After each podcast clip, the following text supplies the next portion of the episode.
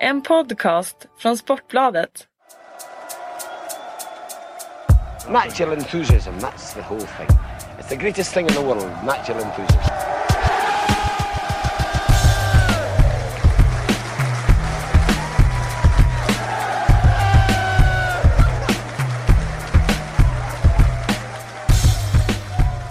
Hej och välkomna till Premier League-podden torsdag den 19 februari. Småländskt hemma Fredrik Jönsson och på andra sidan sitter eh, skjutjärnet Patrik Sjögren och analytikern Kalle Karlsson.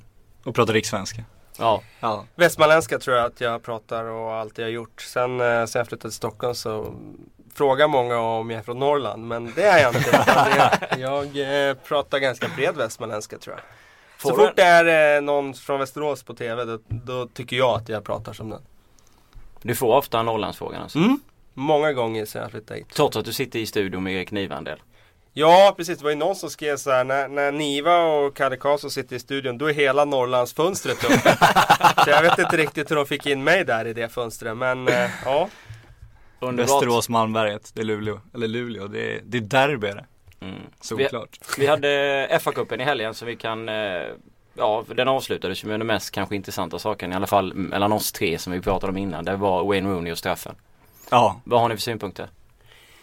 Nej jag tycker att eh, det är en solklar filmning. Eh, det är det där man ser ganska ofta tycker jag att eh, Spelarna tar chansen när en spelare kommer in med ganska stor kraft och sen tar de ett steg och i realtid så kan man ju få för sig att det är, alltså som domare förstår jag ju att han kan tro att det är straff för att det går väldigt snabbt. Sen eh, eh, så är det inget unikt så men det är klart att han lägger sig. Det är inget snack om det. Sen kan man ju kanske tycka då att det är straff i alla fall för att eh, målvakten kommer in som han gör och att han måste kanske eh, hoppa undan lite grann för att, för att undvika tacklingen. Men eh, det är klart det är en filmning. men det är också så tycker jag i alla fall. Alltså, om han, hade, han försöker ju släpa med sitt ben. Och hade han lyckats med det och målvakten hade träffat benet, då hade ju ingen egentligen klagat för då hade det varit kontakt. Men det hade varit lika mycket filmning för då är det han som söker kontakten. Så hela debatten blir ju bara för att han, han misslyckas med sin filmning egentligen. Ja, och jag, jag gillar ju inte det där när det, alla straffdiskussioner det landar i så här, det är kontakt. Ja. Det är kontakt. Men kontakt, vadå? Det är ju ingen som säger det när det är frispark så här, det är kontakt. Alltså antingen är det frispark eller så är det inte frispark. Och bara för att jag rör vid någon så är det ju inte frispark. Utan det är ju en, man har ju en känsla för om det är värt en frispark eller inte. Men så fort det är innanför straffområdet då ska det alltid handla om, ja ah, men det är visst, det är kontakt. Ja, han snuddar vid han där. Men det innebär ju inte att man ska ramla av det. Nej, exakt. Och det innebär ju inte heller att det kanske är värt en straff för det bara för att det är en liten, ytterst liten kontakt. Så att eh, jag gillar inte den där kontaktdiskussionen. Men jag tycker det var solklar film. Alltså direkt när det kom, nu tittar man ju på tv som en annan vinkel än vad domarna har. Men direkt känsla, jag trodde han varnade honom för filmning direkt också. För det var inga protester direkt. Han gick fram mot Rooney och drog upp det gula. Så jag, ja men det där var ju korrekt. Och sen är det straff ändå. Alltså. Jag tycker det är rätt stor domarmiss också.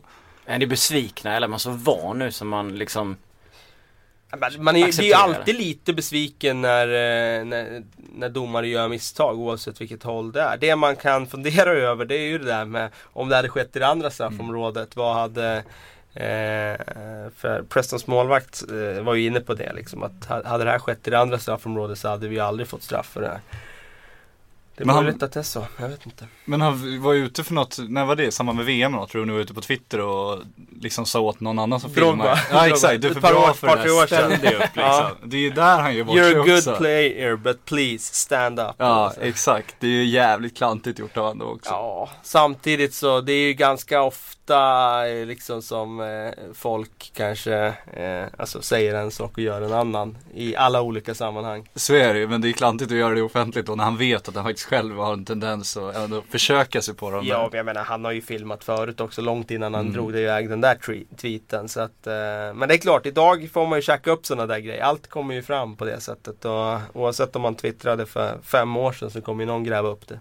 Tror ni det hade varit annorlunda om det hade varit Ashley Young som gjort samma sak?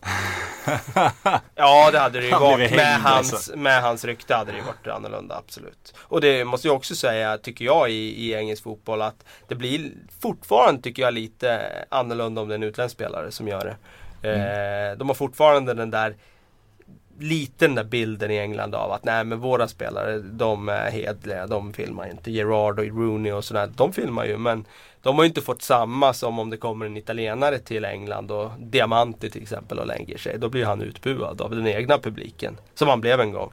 Eh, men eh, när det är de egna så ser man lite mer mellan fingrarna. Men mycket mer, alltså det är så här fula engelska spelare då du säger, ja men det är en tuff spelare, han är riktigt brittiskt blod, det här är en hårding liksom. Så kommer Diego Costa, han är en tuff spelare, Ja. han skulle kunna ha riktigt brittiskt blod. Han blir bara ett svin då, Ja, alltså, på en så vecka är det liksom. så är det ju. Det är så jävla dubbelmoral. Som Duncan Ferguson till exempel. Ja. Alltså han är en hjälte liksom. Mm. Det, vi har faktiskt fått lite frågor om det till den här veckan. Vi tar frågorna lite senare, eller i alla fall den stora delen av det. Men tycker ni att domarnivån har varit för dålig den här säsongen? I Premier League? Nej, jag tycker inte det.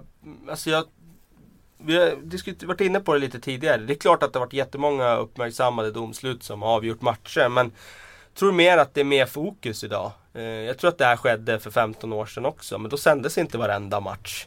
Eh, det gick inte att ha den tillgången till när Aston Villa mötte SA-15 när det var liksom ett eh, domslut som var lite sådär eller en offside och så.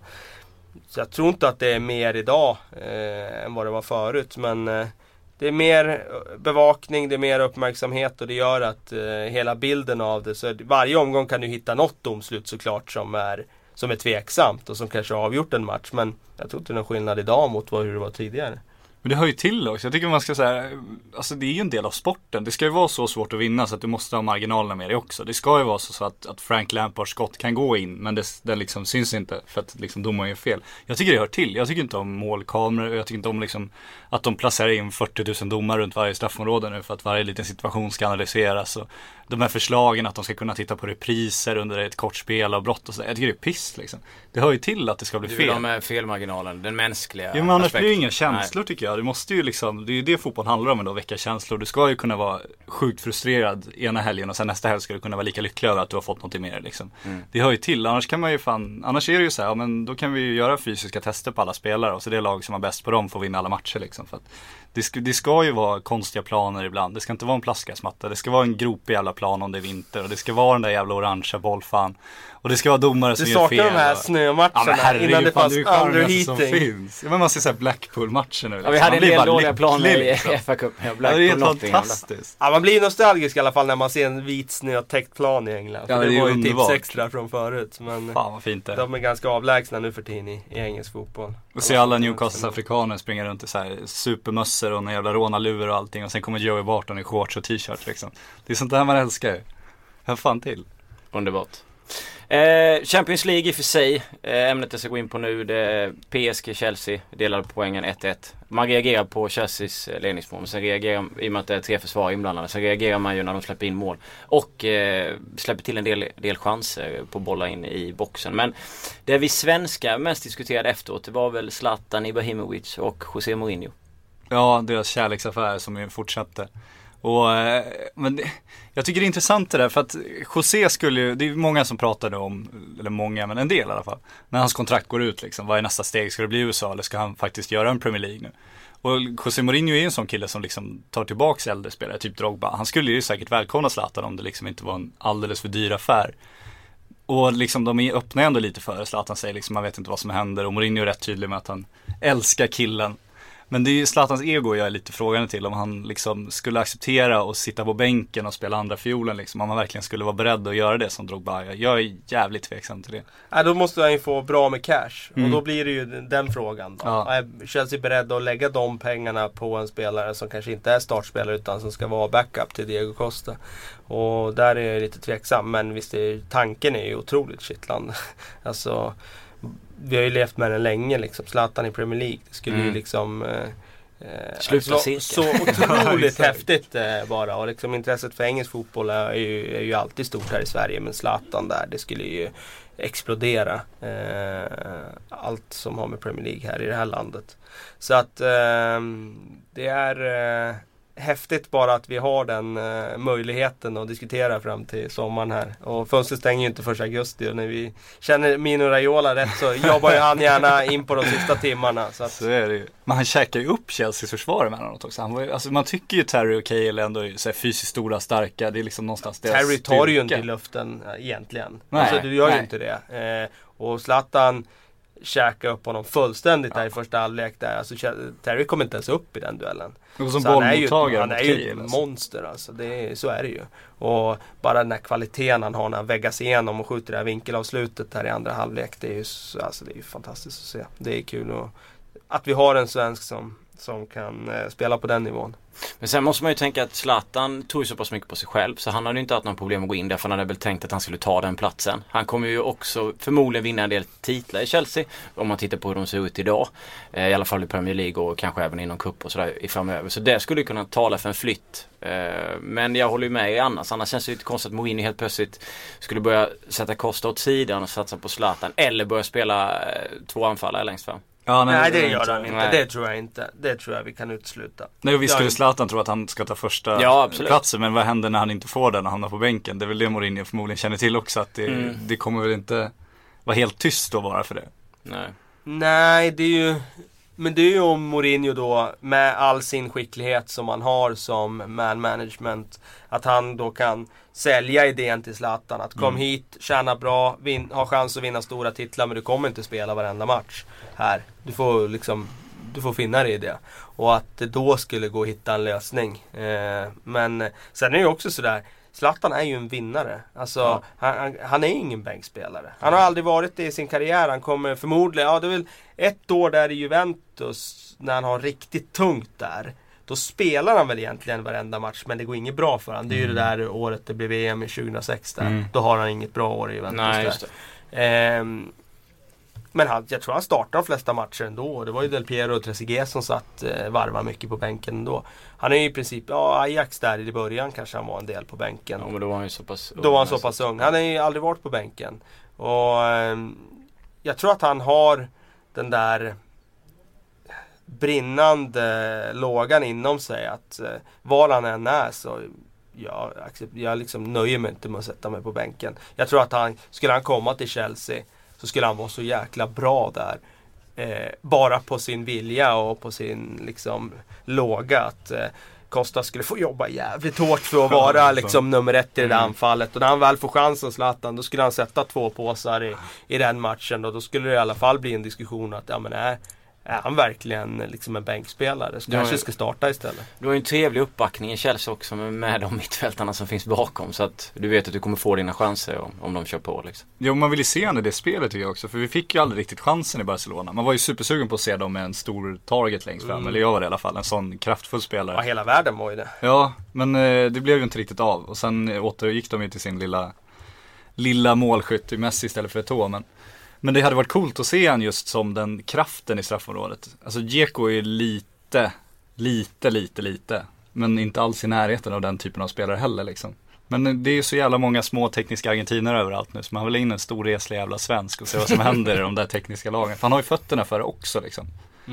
Och det finns Hans problem var ju att Hans problem där var ju att den plan B som man skulle ha varit för Barcelona Mm. som bara spelar kort och alltså med kombinationsspel centralt egentligen. Att bli den plan B så var liksom måltavlan för inlägg och Mm. sådär. Det blev han ju inte när de behövde det som bäst. När Inter parkerade sitt lag lågt på egen plan halva så lyckades ju inte Men då det bytte han ju ut honom. Ja, i andra halvlek, ja. Ja, ja, absolut. 75 Ja, det- bytte han ut honom. Ja, efter 60 minuter typ. Ja, eller något sånt. Och, eh, men det var ju där och då han skulle ha varit den Mm. eh, alltså plan B och gett den effekten. Men det gjorde han ju inte. Nej, nej, det är sant.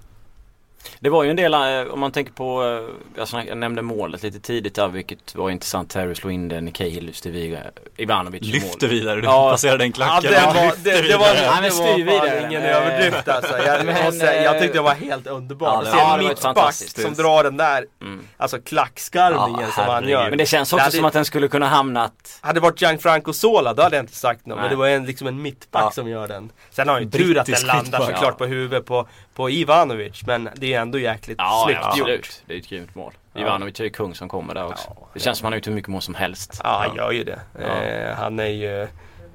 Eh, ändå det var Johanna som skrev att det var högt odds på, på, på eh, det målprotokollet. Men, eh, men eh, det vet inte fan om det var. Ja, så Ivanovic gör ju massor med mål. Ja, Om man tar med frågan- assisten var det Frågan är högt vad han, odds, frågan är vad han står i som målskytt innan en match. Det är ju inga 50 gånger pengar. det kan vara 7 herregud. 8 Ja, liksom. max, max. Men det var ju, eh, sen så släpper de in ett mål när de tappar en del markeringar. De tappar ju en del överlag eh, i den här matchen och har en del Tappar problem. en del markering vid målet. Ja. Han står sopar igen Ja. typ åtta pers runt omkring honom. Mm. Och Vi har varit inne på Cale tidigare. Vi pratade väl om han Mm. förra podden. Att det kan vara, eh, att han kan vara på väg ut. Ja, han har ju inte klarat av nu när Soma kom in och flåsade han i nacken. Eh, vissa spelare växer ju med det och, och visar att äh, men det är jag som ska ha platsen. Och eh, i Cahills fall har det ju blivit att han har ju blivit osäker. Eh, och agerat eh, väldigt tafatt tycker jag de senaste, ja, egentligen två månaderna. Eh, så nu framstår ju Soma som ett tryggare alternativ faktiskt. Ehm, Sen är det klart i den här matchen nu så valde han ju rutin framför Somara som är lite Står för den ungdomliga entusiasmen. Vi får se här nu med Inte bara målet utan även det faktum tycker jag att de släpper till mycket fler chanser Mm, än vad man ja, är vana att se i en sån här match. Om Mourinho verkligen är trygg med Cahill i den här svaga formen som han har visat nu. Men de har ju en utmaning där också för snart ska ju Terry bort också liksom. Det är ju ofrånkomligt snart. Han spelar ju till han är 40. Du tror det? En Costa Nej, det är inte. Men han, håller, han är ju så pass bra den här säsongen så att det är ju ingen som de plockar bort i nästa säsong. Utan han får ju en säsong till. Ja, jo Så det är tror jag också. Men det, det Och är så en utmaning som håller ut- kommer. Absolut, ja det är men John Terry går ju inte Manchester att ersätta. United-utmaning som Ja, kommer. ja herregud. Alltså John Terry går ju inte att ersätta på det sättet med allt vad han är för Chelsea och så. Det blir ju jättesvårt. Och det är ju liksom som att ersätta Gerard i Liverpool. Mm. Och nu när det inte finns något överflöd på den typen av mittbackar heller. Det är ju det man eh, letar efter i alla stora klubbar. Mm. Soma kan ju absolut bli det för han ser ju väldigt, väldigt eh, intressant ut. Men eh, ja, sen ska Terry och Cahill kanske ersättas här framöver och inom några år och då, det blir tufft. Det känns som att det blir, kan bli ganska jobbigt för Chelsea resten av eh, Champions League-serien nu om man inte får ordning på det där på ett bättre sätt. Man släpper ändå till ganska mycket mot PSG. Det finns bättre lag än PSG kvar i turneringen. Och så Det vidare. finns bättre lag men sätter man inte ganska stor risk om man liksom eh, alltså tror sig att Mourinho inte får ordning på sitt försvar. Det har ju inte hänt förut. Ja, det var ju okej i höstas också får man ju säga. Ja, alltså visst det här, var, det här var ingen bra insats rent försvarsmässigt så men skulle man sätta pengar på att någon får ordning på ett försvar så är det väl han. Och sen var ju PSG jävligt bra, det måste man säga. Zlatan var ju enorm, Cavani var ju helt fantastisk också Jag för en båda var riktigt bra Ja. faktiskt. Så att Verratti det, tycker jag också var helt fantastisk i Ja. den matchen. Eh, så att, ehm, men jag, min bild var att Chelsea kommer åka dit, få ett kryss Mm. och sen kommer de Exakt. ordna det över två Ja, de matcher. kommer ju ordna det absolut på Ja. hemmaplan. De är Jag, jag, är- jag är tämligen säker på det. Mm. En, en annan tråkig sak i samband med den matchen det var ju Chelsea-supporterna på eh, tågstationen där i Paris. Eh, den här rasismen stoppade den här mannen från att gå på tåget. Vilket är en jättestor snackis i England. Vad har ni för syn på den incidenten?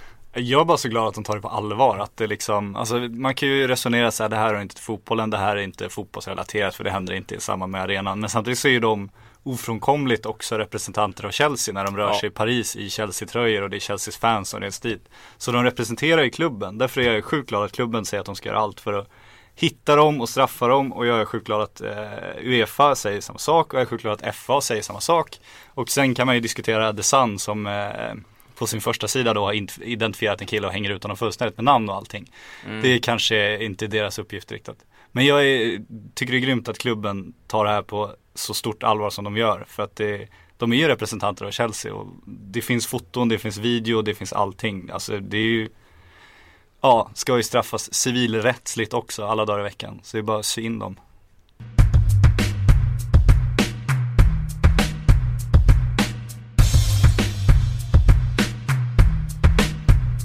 Fokus eh, Premier League igen. Vi har en ny tränare i Aston Villa.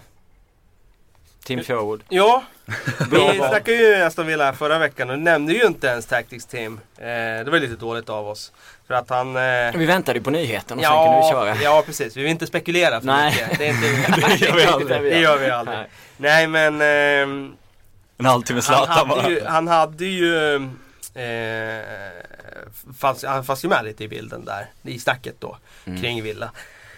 Eh, jag trodde väl kanske att de skulle ta något säkrare kort eh, så. Nu gav de han ett eh, lite längre kontrakt och förtroende att eh, verkligen börja bygga det här.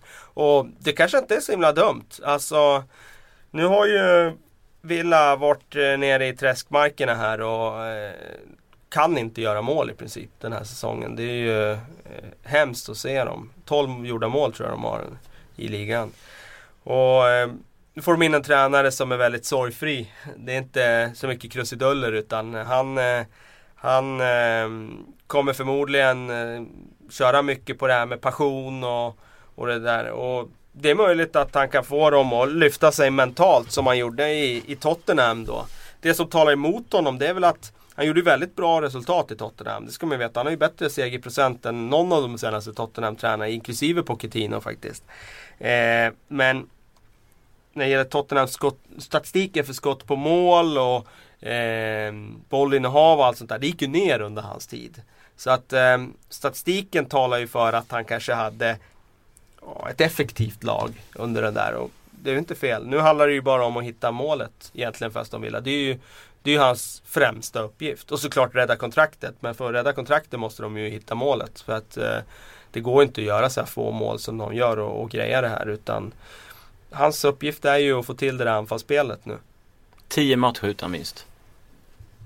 I Ja. ligan. De har Och då ju... ska man komma ihåg att de inledde ju med två raka segrar väl? Eller i alla fall två ra- segrar på de tre första matcherna. Mm. Eh, och eh, såg det väldigt intressant ut där. Eh, men det har fallit ihop ganska rejält kan man säga. Nu slog man ju Leicester i FA-cupen i och för sig i, i helgen och man vann i FA-cupen för ett tag sedan också. Men annars är det ju i ligan går det ju otroligt trögt. Alltså. Ja, Men vad är det med, alltså det känns som, bara man liksom får chansen som manager någonstans, ofta så kommer det ju fram då när de får sparken och så är det en reservlösning typ i två månader. Bara du har gjort den så att du liksom kan skriva Premier League manager på ditt CV, då är helt plötsligt arbetsmarknaden öppen för dig. Alltså, men har du inte gjort det, bara en Ja, ass, men- då är det ju liksom tvärstängt. Då Ja, typ nej, men så är, det ju, så är det ju. Men så här va.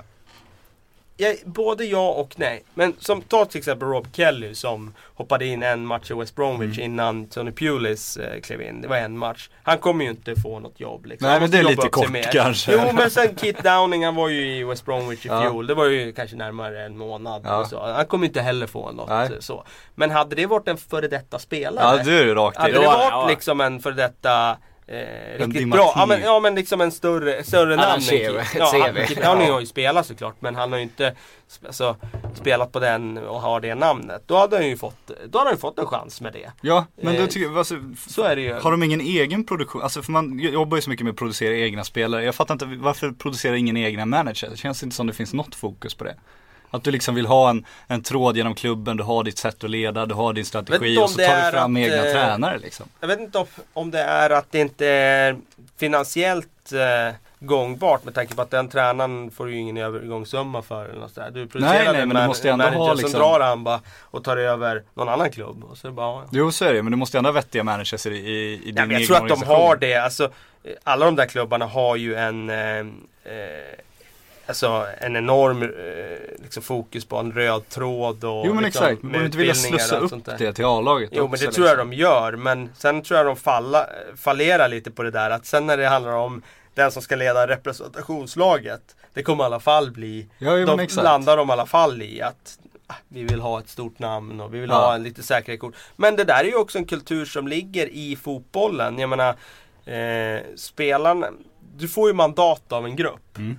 Och för att få det mandatet så måste ju de, du måste ju bevisa för dem att du kan det du gör. Ja. Och kommer du in som eh, Nisse Nilsson från gatan. Ja så. Men samtidigt om du kommer in och har liksom fostrats genom hela klubben, tagit alla lag. Då är du ju liksom klubbens stora representant. Både det borde ju kunna ge dig visst mandat. Absolut, men då måste du ju ha gjort förmodligen väldigt, väldigt bra resultat på Ja. ungdomssidan. Ja. Så. Och det är ju vissa som får chansen på det sättet. Alltså Brendan Rodgers Ja. till exempel. Mm. Han har ju fått, han har jobbat sig upp på det sättet. Eh, blev han plockad till Chelsea då eh, av Mourinho till juniorlaget. Och därifrån då så gick han ju till, var det väl till Watford va? Och jobbade sig upp där. Ja. Jag tror det. Eh, och det går ju men det är väldigt svårt. Ja men jag saknar strategin bara. Det känns ju som Real ju försöker nu med lite, ja, en duktig genväg med Zidane. Han försöker de ju ändå fostra till någon slags manager. Finns ju vissa som ändå Ja har men Ajax till exempel, de har ju den Ja. där, de fostrar ju tränare nu, Dennis Bergkamp. Arsenal kör ju Thierry Henry. Manchester United har ju haft Paul Scholes och de här nu eh, inne i B-laget och så. Ja. Alltså, Men frågan är om men- de vågar ge dem chansen sen liksom. Det kommer bli när någon, vågar, någon råkar få sparken och så är de inne fyra månader och sen får de ta villa istället. Ja men är de redo då för att ta ett eh, managerjobb på den nivån? Alltså, Men någon väl... gång måste du ju få chansen annars kommer du aldrig vara Jo, redo, jo, men det liksom. kanske är så att de ska ha det här instegsjobbet först med att börja ta ett lag i, i Championship. Ja men då får de ta Vitesse liksom. Ja, det, men det, det skulle de nog. Ja alltså, men det exakt, skulle de nog ju, få. jag, det är det jag saknar Och- här. Som Jo, fostrar spelare borde Jo, du fostra manager. Men eh, det jag menar är att de, är nog inte själva intresserade av att ta ja, nej, Jag tror det är kanske det inte. som är problemet. Ja, ja. Det känns som att Milan Det skulle är klart satsa en att del pengar Vitesse skulle på... vilja ha liksom Ryan Giggs som tränare. Ja, men Det är eller hur? Klart. Milan skulle ju behöva satsa en del pengar på att hitta en bra tränare. Milan har inga det. pengar. Ja men Milan då, de har ju försökt göra det här. Mm. De har ju tagit in liksom eh, Inzaghi liksom Mm, på U21. ja. Men, och han, men det, och då, då, de gav han två år typ, Ja, i U21, det känns sen som att det var för kort tid. Ja, Innan inte chansade man med Cedorf till och sen så liksom. låter man Inzaghi få typ två år. Ja exakt. Och så jag tror att du är väl inne på en, en fyra, fem, sex år. Nej, men jag är inne på 10-20, Eller t- jag ja. vill liksom att de ska ta 20 ungdomar. år, Ja, men- 20 år. Nej, men jag vill att de ska ta ung- 62. Nej men att de ska ta ungdomar som kanske liksom inte blir några spelare och sen som är jävligt brinner för tränaryrket och så, ja men in i pojkar 10 liksom och så ändå ha en strategi genom klubben precis som du sätter dina Ja men det är ju så Ajax gör nu Ja men exakt, så om du sätter dina spelare på K10, de hoppas du ska komma till A-laget. Men dina tränare på K10, det känns ju inte som det finns någon tanke i klubben att man ska försöka få dem till A-laget. Jo då, det finns i de stora klubbarna finns det det. Inte kanske här i Sverige i alla klubbar men i utomlands så finns det det. Ja men jag, jag saknar den. Absolut. Jag tycker inte de får chansen. Innan vi en fin övergång skulle ju vara till Henry och Arsenal men jag vill bara runda av eh, Aston Villa. Klarar de sig kvar med Tim? Alltså jag har sett Villa nu några matcher och jag tycker de är så himla svaga alltså. Och med det här eh, jag, tror det blir, jag tror det blir tufft alltså. Jag tror det, om de klarar det så kommer det vara en placering ovanför strecket. Eh, Och det säger Kalle och skruvar på sig rejält. ja alltså, alltså Skakar det, på det, huvudet. ja, men, jag, jag tror de vinner nu den här första matchen. Eh, Det var... Gör man fan alltid. Ja men alltså jag tror det blir en effekt nu av det. Exakt. Och så möter de ett Stoke som har en jättestor skadlista, vi kanske kommer in på det sen. Men, men eh, över tid så tror jag att det, det, de kommer få kriga där runt strecket alltså. Men det är klart, det finns ju några plankor också, det har vi snackat om. Burnley, QPR, det är ju två lag som säkert kommer ligga där nere. Leicester, ja det är ju tre Ja. liksom, då kan de klara sig på det. Mm. Andra är sämre, de är fortfarande dåliga. Ja, ja men det är ju så. Henry, Arsenal, tränarjobb. ja, Känns det spännande? ja det känns ju spännande eftersom han gick utbildningen tillsammans med Fricke Ljungberg. Det tycker jag är roligt. I, vart de nu var, Irland, Skottland tror jag va. Eh, jo men det är väl spännande, det är ju det här jag tycker om. Fast jag tycker om, jag tycker om det på ett sätt men väldigt, väldigt illa på ett annat sätt. För att, alltså typ när Shearer tog Newcastle, det tycker jag var rent tragiskt. För att han, Jo, men det han, där, ja. han smutsade ner sitt arv för att han var inte redo för det. Så jag hoppas att de har tålamod med Henri och att Henri själv också har tålamod i så fall. Och liksom ger det mer än två pippo-år och faktiskt ger det fyra, fem år. Kanske gå bredvid Wenger två år också liksom. Ja lite så även om många har skrikit efter Wengers avgång och lite annat så eh, Arsenal är ju fortfarande kvar där uppe. Newcastle var ju i skiten. Ja, När- absolut. Så att det finns ju ändå tid eh, att ge Henry. Och det känns Jo men att det jag, ska jag, vara- ja. det jag var emot Shearer var inte att han tog ett dåligt, alltså det var ju att han att han fick det bara för att han var så bra som Mm. spelare. Det, var, det, det kändes ju inte som han fick Men det det var ju rätt många år sedan han fick, alltså det är ju rätt många år sedan nu. Ja, alltså åren Ja, går ju. ja. Och det där har ju förändrats. Mm. Så idag så hade ju inte Shearer fått det. Men då när han fick Ja, det det är nu- Mike Ashley. Det är inte helt Kinnear, Alan Shearer och varför Martin skulle kunna få Jo men, men, men säg såhär då. Colaccini skulle jag ha det. Ja, ja. i och för sig. Det, men det där, var ju, ett- det där var ett jävla löst rykte och det, det fanns ju ingen substans i det. Men alltså just den där grejen har ju luckrats upp lite. Alltså spelare får ju inte det rakt av sådär. Eh, Shea Giggs fick ju det i Manchester United. några några matcher, men det var ju bara tre matcher. Då var de ju redan Ja, det var rökta. De var redan rökta liksom.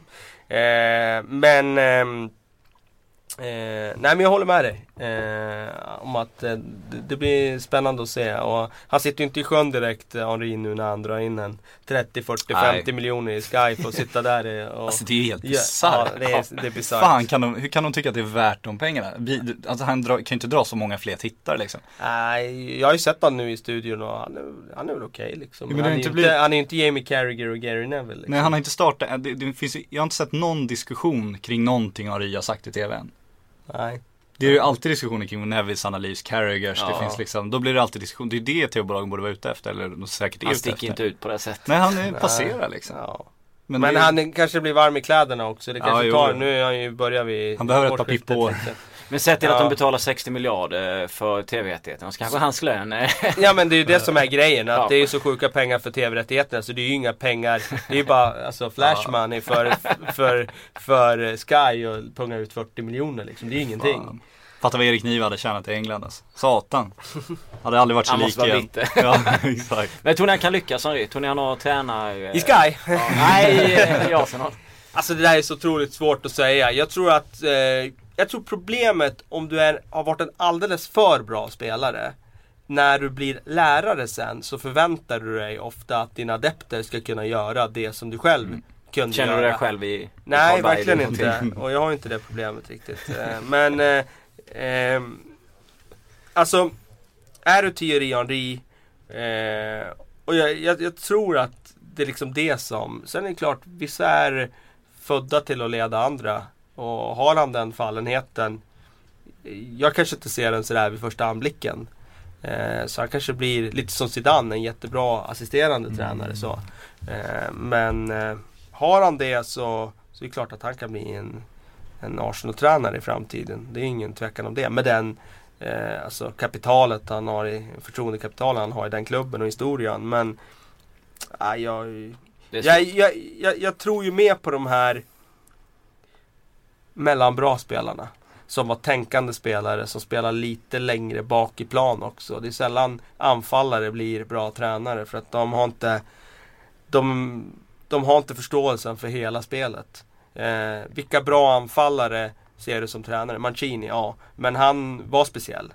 Eh, vilka har du mer? Runt om i Europa. Som är topptränare. Alan Shearer. Ja, nej precis. Alltså, det är inte Henrik så många. Larsson kanske blir. Henke Larsson kan bli, men han, är också, han var ju också speciell. Ja. Alltså, det är den bästa defensiva forwarden i Europa de senaste 15 åren. Och han är Eh, lite och- för hypad som manager nu. Alltså han Ja. gjorde det inte bra i Landskrona och så gör han det bra ett år nu med Falkenberg. Cool fact a crocodile can't stick out its tongue. Also, you can get health insurance for a month or just under a year in some states. United Healthcare short term insurance plans, underwritten by Golden Rule Insurance Company, offer flexible, budget friendly coverage for you. Learn more at uh1.com. Helt plötsligt Det är verkligen- han nu är liksom, det ju- nu pratar det landslag nu är det ju avgörande här i Helsingborg Ja, Nu är det avgörande och det är det som är grejen med Han har ju ett stort namn Ja, och då räcker det att göra en bra sväng. Det är som Ja. Ronald Koeman nu. Han har ju misslyckats egentligen på många ställen när han varit. Det var ju katastrof i Valencia när han var där Mm. och han gjorde sig ovän med Albelda och Can- Canizares liksom klubbikonerna och han fick sparken och det där. Så kommer han hit nu i SA-15 och gör han var, det var ju jättefrågetecken för Koeman innan han Mm. Absolut. tog det här jobbet. Så gör han det jättebra nu i SA-15. Och då är det så här, han, han ska ta över Barcelona. ja det är Han klart, men han har ju han har ju avgjort en Europa... mediadel. Ja men han har ju det. avgjort en Europacupfinal för Barcelona och då, då har man det han har varit ass i liksom. Barcelona. Han har varit ass i Ja, Barcelona, han, har en historia där. Han är, han är i princip klar. Men det finns en story om Henri från, från Galaxy också. Det kom någon ung ny kille liksom och, och så eh, typ första dagen så eh, liksom approachade Henri ganska tydligt så här. Så bara, ah, har du något tips här? La, la, la. Var väldigt så på liksom. Och då har Henri tydligen bara sagt så här, ja nej det är inte så där det fungerar. Och sen spelar inte den killen liksom. Så han är tydligen väldigt eh, auktoritär på ett sätt också. Och det, killen hade bett om tips. Ja men typ och varit lite för på liksom, lite så här idoldyrkan Messi liksom. Hade Ja, okej. tagit lite, för- lite för stor plats tror jag. okej. Och det, det är inte så det fungerar. Ja, okej. Intressant. Det är lite, lite Han ville inte lära ut alltså. Nej men typ. Ja men det är väl lite, jag menar mer alltså just Ja, man ja. management. Jag vet, inte, just det här att han, han förväntar sig att alla ska vara lika bra som honom. Jag tycker att det rimmar lite med det, att det ska vara liksom den kulturen. Och, det kan ju vara bra att vara så tydlig men samtidigt så är jag är precis inne på samma grej. Att det känns som det finns frågetecken kring liksom om han kommer vara den man management killen liksom. Om vi tillhör en skara som har varit lagkaptener i Arsenal, Fabregas, Vera, van Persie och eh, Sjögren rakt över mig och Kristoffer Karlsson skrev en artikel om förbannelsen i Santi Cazorla, att han hade kaptensbindeln och så direkt började det ryktas som Atletico Madrid. Tror vi på det där? Eller var det bara Alltså rykte, jag tror inte på förbannelsen, det gör jag väl inte riktigt. Fast det, det är spännande, det är, alltså det är ingen förbannelse såklart. Men det är ändå intressant att de gång på gång väljer att sälja sin nuvarande lagkapten. Det är ändå eh, väldigt, väldigt ovanligt. Du brukar ju liksom Mm. pensioneras som lagkapten eller försvinna från laget som lagkapten innan du liksom försvinner från klubben. Så det, det finns ändå någonting. Sen ryktet är jag övertygad om att det finns någonting i. För att det är ändå rätt tunga spanska källor som påstår att, att Atletico liksom ska förhandla med Arsenal. Och han har varit grym. Han har varit grym men han är, har fyllt 30 och Wenger har ju tidigare visat att han är ganska så här, ja, kall känslomässigt till de där. Han vet när det är dags att sälja. Han, han kanske sett något, jag vet inte, som tyder på att Santi ändå Han, han har synat Proson-statistiken och sett att han springer mindre eller något Exakt, där. och så tänker inte hans värde då ska kommer minska Ja. nu. Ja, men så det- gör han någon kapten på äldre dagar först för att han är klok och bra spelare och sen säljer Det han. höjs Höjer marknadsvärdet värdet. också, Ja, exakt. Så är det iväg. Nej men de jagar nog honom, det, det tror jag vi kan tro på. Sen eh, får vi väl se om Arsenal kommer släppa dem. Det kan ju vara så att de vill se liksom vad de kan få också, att de kommer ha ett rätt högt krav. Så är det säkert. Förmodligen. Men jag tror inte han är omöjlig att sälja honom. För att Weng- det är ju lite så här Pires och de här klassiska Henri och Han eh, har ju visat förut att han är beredd att göra affärer. Innan vi kommer till helgens match vill jag även damma av Stefan Jovetic uttalande om Pellegrini att han har dödat mig. Ja. Eh, tror ni att vi ser honom i Manchester City till hösten? Nej det tror jag verkligen inte utan jag hade nästan trott att han skulle flytta nu i januari för att eh, nu när de köpte in Boni så kommer det bli ännu färre chanser för honom där framme. Och hans problem är ju inte att han saknar talang utan hans problem är att han kommer inte över tid att vara eh, fri från skador. Och då kan han inte heller, tycker jag, kräva att han ska spela och liksom få chansen i ett sånt lag som City. Du, du har ju fått chansen, du måste hålla dig skadefri. Mm. Eh, Klubben har köpt in dig för stora pengar och om inte du levererar så kommer vi köpa in någon annan. Så funkar det ju de klubbarna. Och jag gillar ju Jovetic skarpt, eh, framförallt när han var i Fiorentina. Och ett tag där kändes som den hetaste spelaren i Serie A. Ja. Eh, men eh, han har ingenting, tycker inte jag, att skylla på i City. Utan han har ju fått chansen och han har inte varit skadefri. Men han inte hamnar lite så här fel, för att han är ingen så här striker direkt, någon måltjuv. Utan han vill ju vara lite längre bak Lite ändå. bak, Och där är ju, alltså om du ska vara lite längre bak då måste det ju vara nästan Agüero bra för att kunna ta de ytorna från mittfältarna. Ja, fast samtidigt, jag menar de vill ju ha Jaja i den eh, sittande positionen Mm. egentligen. Och då är ju den där tian ledig. Eh, ibland spelar ju Silva där. Mm. Eh, och han gör det helt otroligt bra. Mm. Men skulle Jovetic bara ha varit tillräckligt bra. Mm. Då hade han ju spelat Jovetic där och Silva och Nasri på varsin kant. Ja. Så att, eh, alltså, det har ju egentligen bara handlat om att Jovetic har inte varit tillräckligt bra för att meritera sin plats i elvan.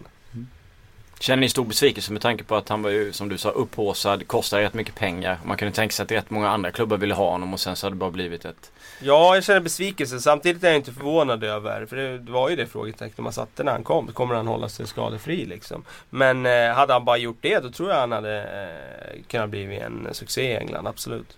Men det finns ju också killar som går direkt från Serie A till England, brukar ju ha vissa svårigheter. Det finns en liten kille i Tottenham också som inte heller har imponerat direkt.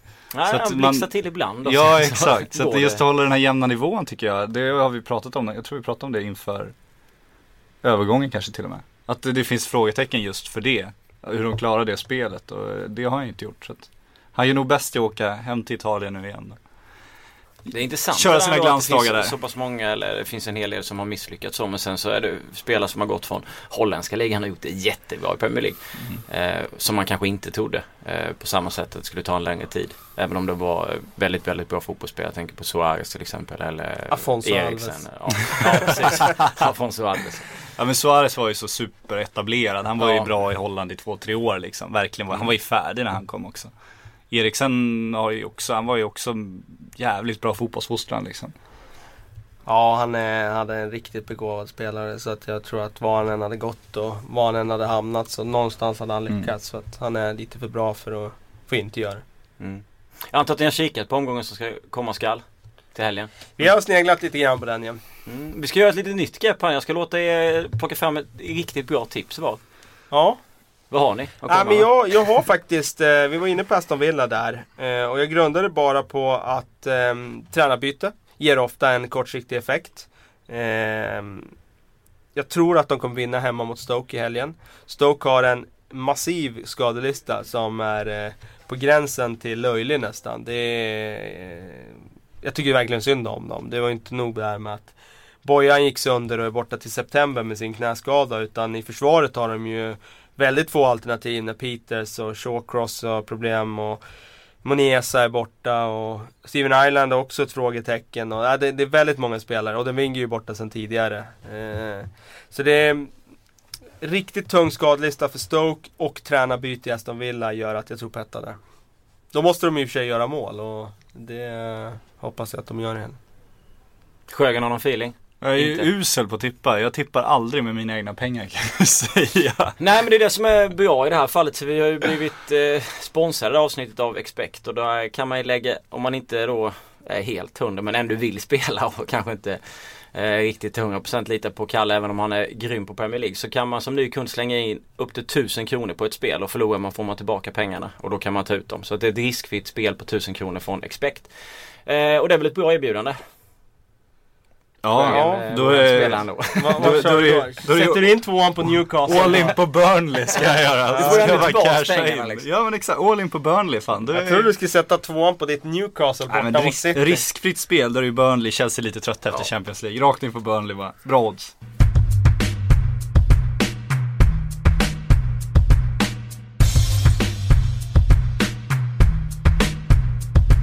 När jag kollar på omgången så eh, eh, Alltså det är Southampton mot Liverpool Som känns som den matchen Verkligen. som är extremt viktig För Verkligen. nästa Barcelona-tränare. Ja precis Elddopet. Vad tror ni? Alltså, känslan är lite med Southampton att de har ju klängt sig kvar där i toppen. Men så fort man börjar tro på att nu ska de, då, då åker, åker de på den där förlusten. Jag tror att eh, Liverpool med den formen de har så tror jag att de, ja, de är klar favorit i alla fall. Tittar man på tabellen så är det extremt viktigt för Liverpool Lång skadelista för Southampton Ja. också. Men det, är ju, det skiljer ju just nu fyra poäng och vinner Southampton den så går de upp på 49 och liv, ligger Liverpool kvar på sina 42. Så det känns som att en riktig måste match. Sex poängs match. Ja precis, det är alltid lika sexigt med det uttrycket. Eh, Ja så- men det drar ihop sig nu, Europaplatserna. Nu gäller det ju att vara med när tåget går. Det ska Mm. kasta lite fler klyschor tänkte jag. Ja bara slänga ut dem. Exakt. Får vi se en steket Balotelli då? Nej men från bänken kan jag ju säkert få en, eh, En kvart. En kvart 20 och eh, om, om det skulle behövas. Jag tvivlar ju på att han kommer in om de leder och om de ska stänga igen. Men behöver de göra mål med eh, förra veckans eh, utveckling i, i minnet så, så tror jag absolut att han kan få, en, få ett inhopp. Han hade ju problem med västen på träningen så det tyder, ju på att han är i form i alla fall. Det är ju ett riktigt bra tecken. Exakt. Alltså, det är ju kanske det bästa han kan på få. Där måste ju Rodgers jublat. Den har den är, den är jag missat. Han har problem igen Ja alltså. det kommer några stillbilder där tydligen. Ja, okej. Kasta lite väst. ja, det är inte lätt det där alltså. Nej det, den är knepig. Ja. Jag, jag, jag känner fan med honom där Ja. alltså. Men det tyder på att han är i form. Solklart. Arsenal är ju också där mellan, ligger, ligger mellan Southampton och Liverpool medan slåss om platserna. Har Crystal Palace i helgen, Champions League i veckan. City har Newcastle hemma. Blir förmodligen en eh, promenadseger. Sen har de Champions League i veckan. Hur tror ni eh, Wenger och Pellegrini resonerar kring de här matcherna? När de vet att Champ väntar.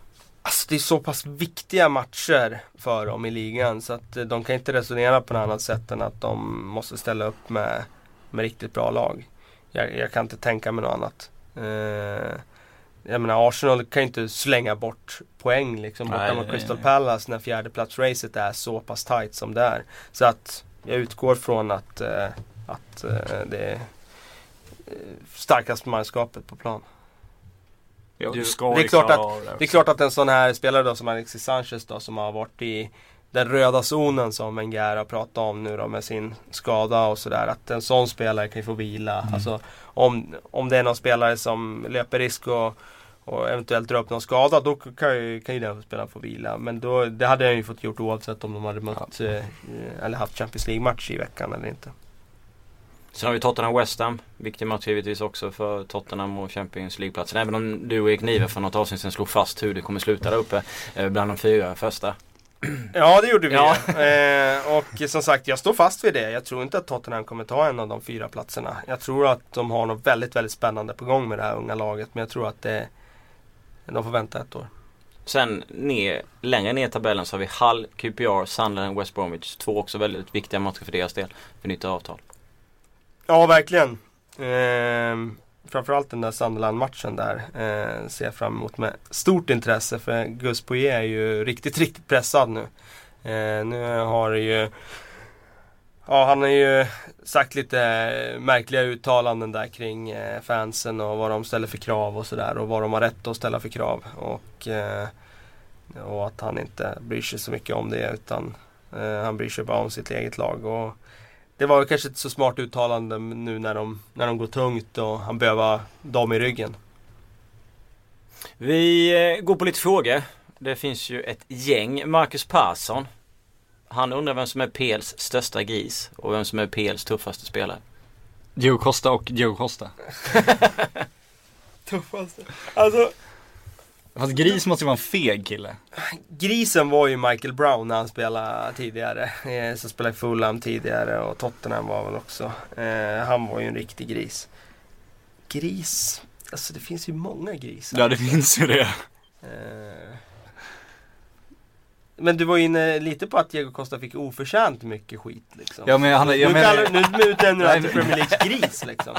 Ja, men jag menar ju att, jag tycker att han är en gris, men hade han varit britt så hade ju britterna älskat honom. Det är det ja. jag säger. De gillar ju sina grisar. Mm. Så är det. Jag gillar ju mina grisar också. De bidrar ju med något helt, sen det är ju de här fega grejerna till när han liksom stämplar folk som ligger ner och lite sånt där.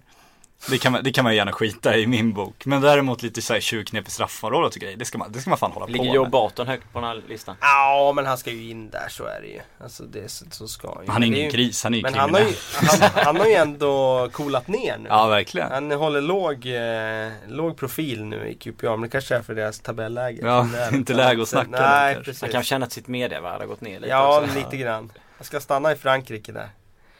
Eh, Nej men Diego Costa får man väl ändå, han är ju med på en sån lista, ja, så är det ju. På båda ska jag säga. Jag kommer inte på någon annan sådär tuffaste spelare. Alltså Tuffaste, vad, vad väger man in i tuffaste? Nej men det måste ju vara eh, hård med rättvis tycker ja, jag. Hård med rättvis, ja. Det skulle också kunna vara en spelare som tar väldigt, väldigt mycket stryk ja. och ändå presterar bra. Ja.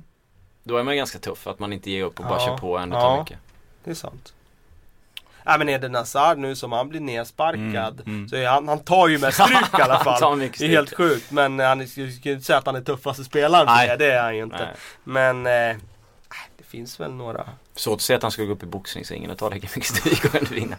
Så att, eh. Max ja. Persson hade ju en fråga till. Eh, som Kalle var inne på innan. Stoke skador. Hur mycket påverkas man av eh, alla dem? Bojan eh, Ja bara skadan på Bojan påverkar ju mm. Stoke mm. enormt mycket. För han var ju den där spelaren som eh, var lite Mr X för dem.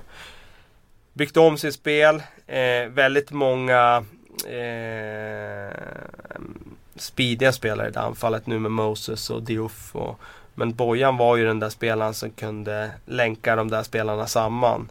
Och bara att han blev skadad eh, minskar ju Stokes chanser att hamna på topp 8 med ganska många procent faktiskt. Tyvärr. Att nu dessutom ha de här enorma problemen som har i försvaret med skador. På Shawcross framförallt då.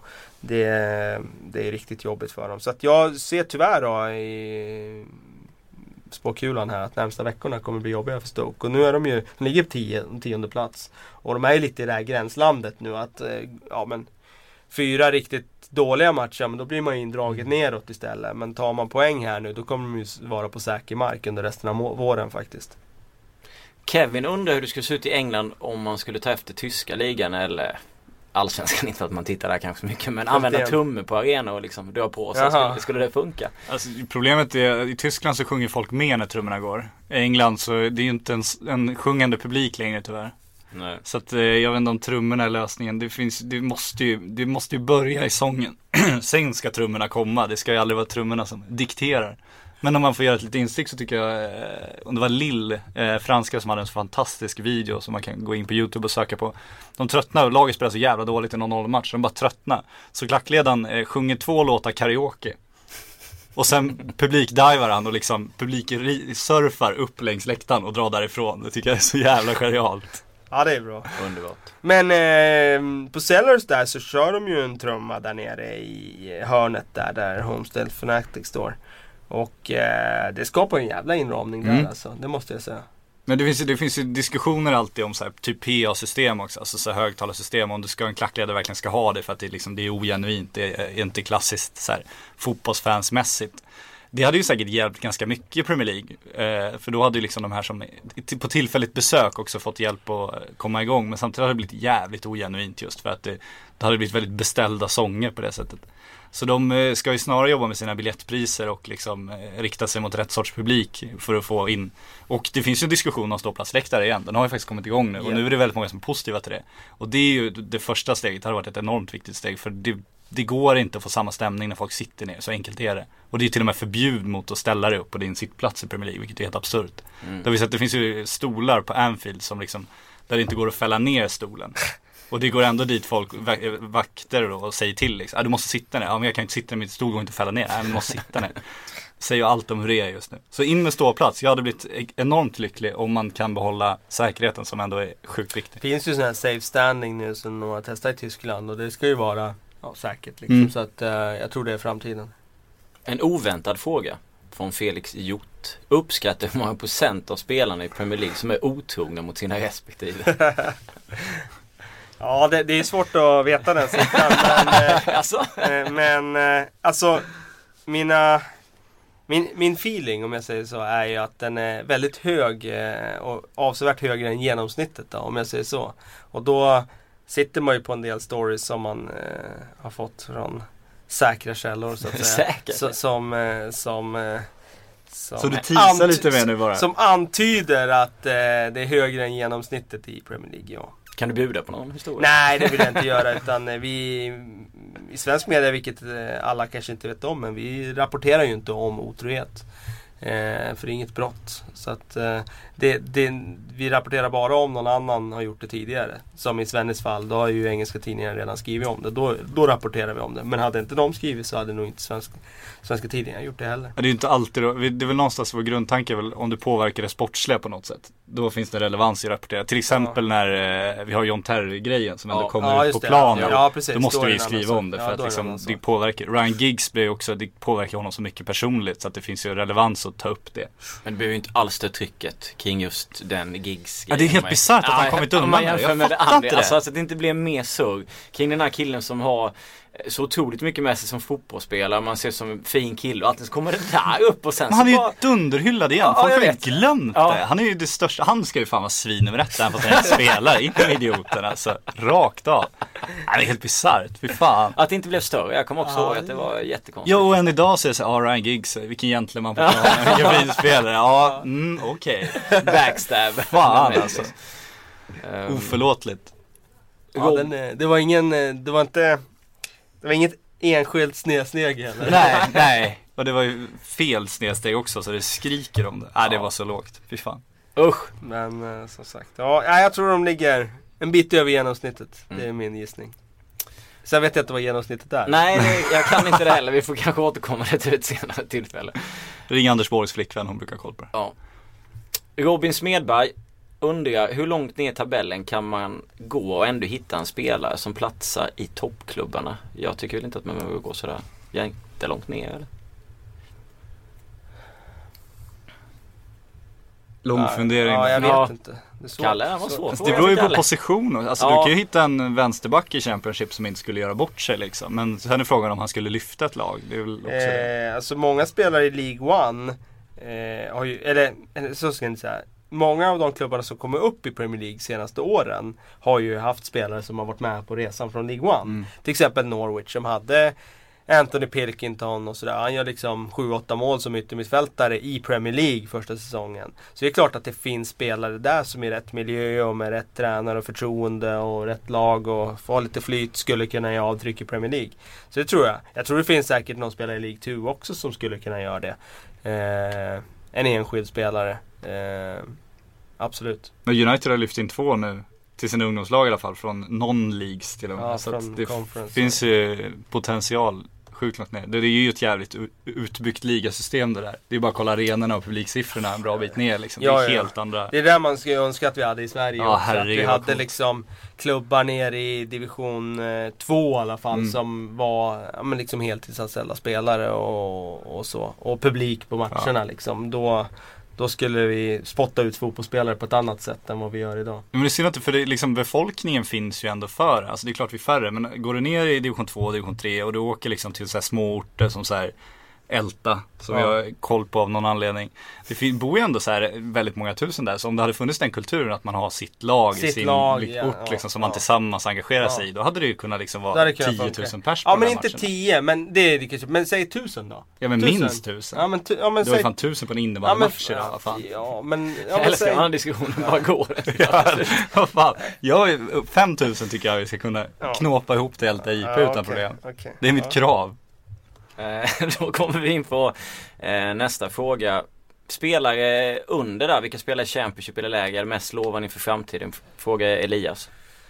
Eh, alltså det är mycket snack om Will Hughes i Ja, Derby. fortfarande. Eh, Mm. Ja precis. Så jag skulle ju tro att han är den som kommer att vara hetast så på marknaden. Tyron Mings är ju en annan vänsterback i Ipswich. Eh, och han har ju ersatt Cre- Cresswell där som gick till West Ham och gjort det väldigt, väldigt bra. Och han har ju varit minst lika bra i Ipswich som Cresswell var. Så att det är nog många som kommer titta på honom också. Jag vet att det har varit rykten om Arsenal bland annat. Eh, gäller Tyron Mings. Eh, nu har väl de, ja, de är rätt välbeställda på vänsterback nu när Monreal gör en bra säsong och de har Gibbs där. Men eh, ja, de två tror jag kommer hetast på marknaden i sommar.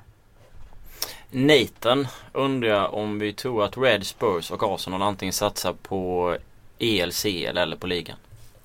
Du kan, du kan ju inte välja längre så enkelt är det. Det är så viktigt i ligan att ta och få med. Det är nästan viktigare att få med nästa år i Champions League än att lyckas Ja. i Champions League i år. Det är ju mer lukrativt. Sjukt nog. Så det på så sjukt. sätt går det ju inte att välja liksom. Nej.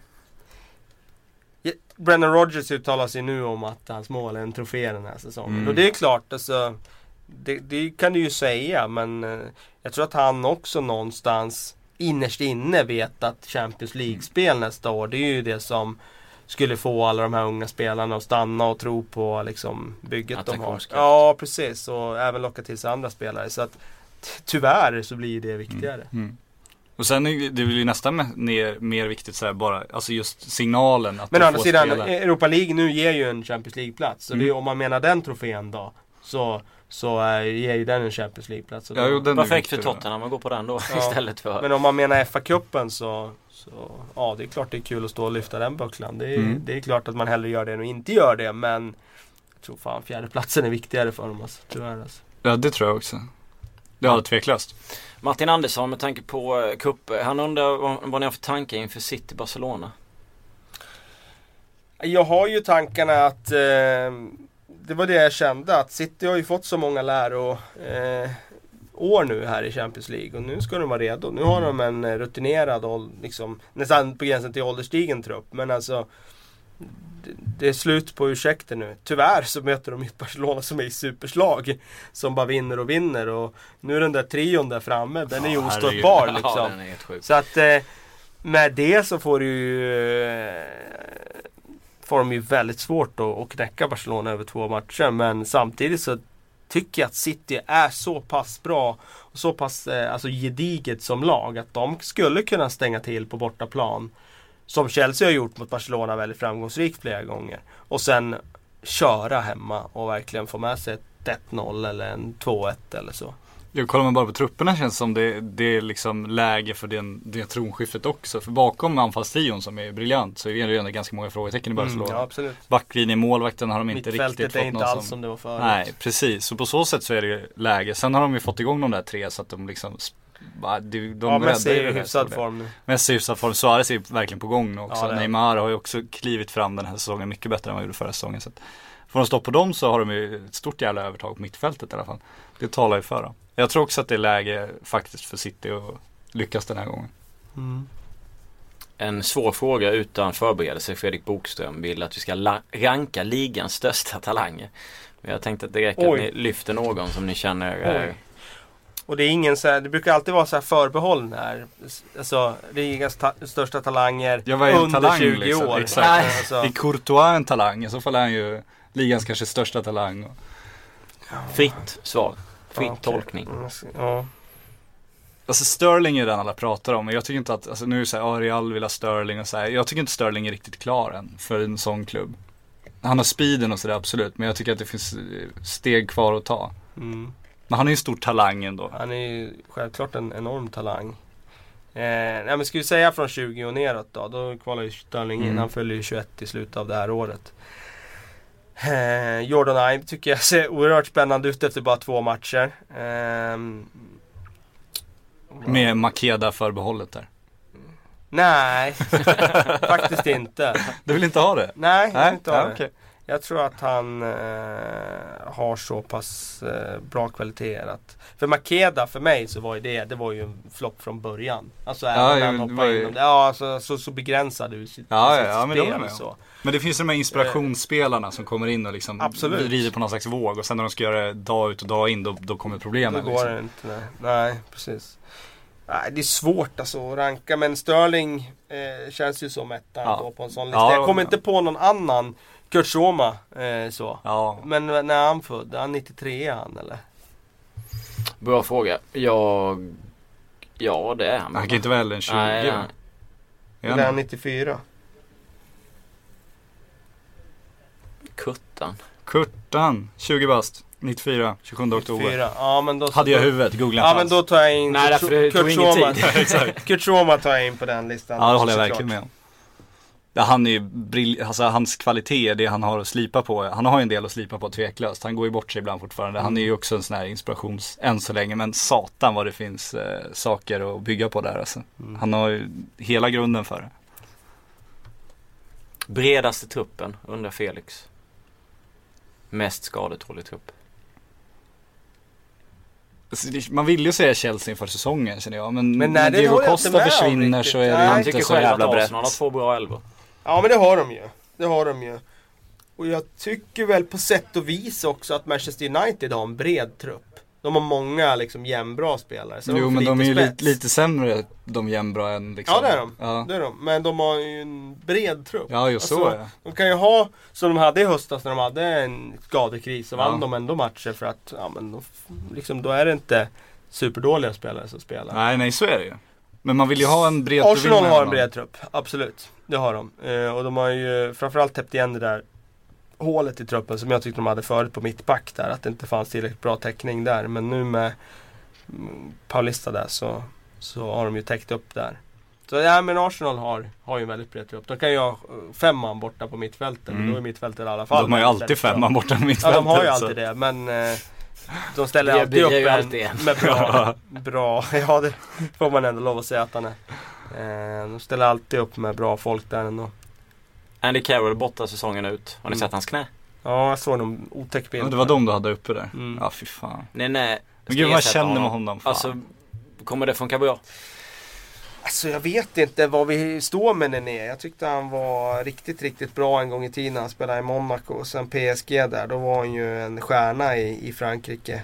Eh, kanske den ligans allra bästa. Eh, eller topp tre i alla fall. Men eh, idag, ta honom från ett äventyr i vad är det, Saudiarabien eller Qatar han har varit i.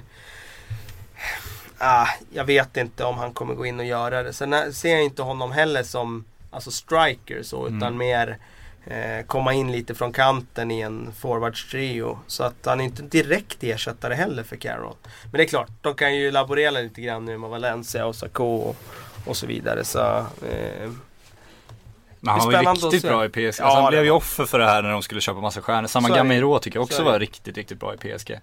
Han har ju kvaliteter. Men de försvann ju för att de inte var så, så bra och så, Så stora namn. Det var ingen som skulle vinna Champions League. Nej. Så når han den nivån så är det en bra värvning såklart. Men frågan är om han gör det igen. ja. Han gjorde en hel del mål 2011-2012. Gjorde han alltså 21 mål i PSG.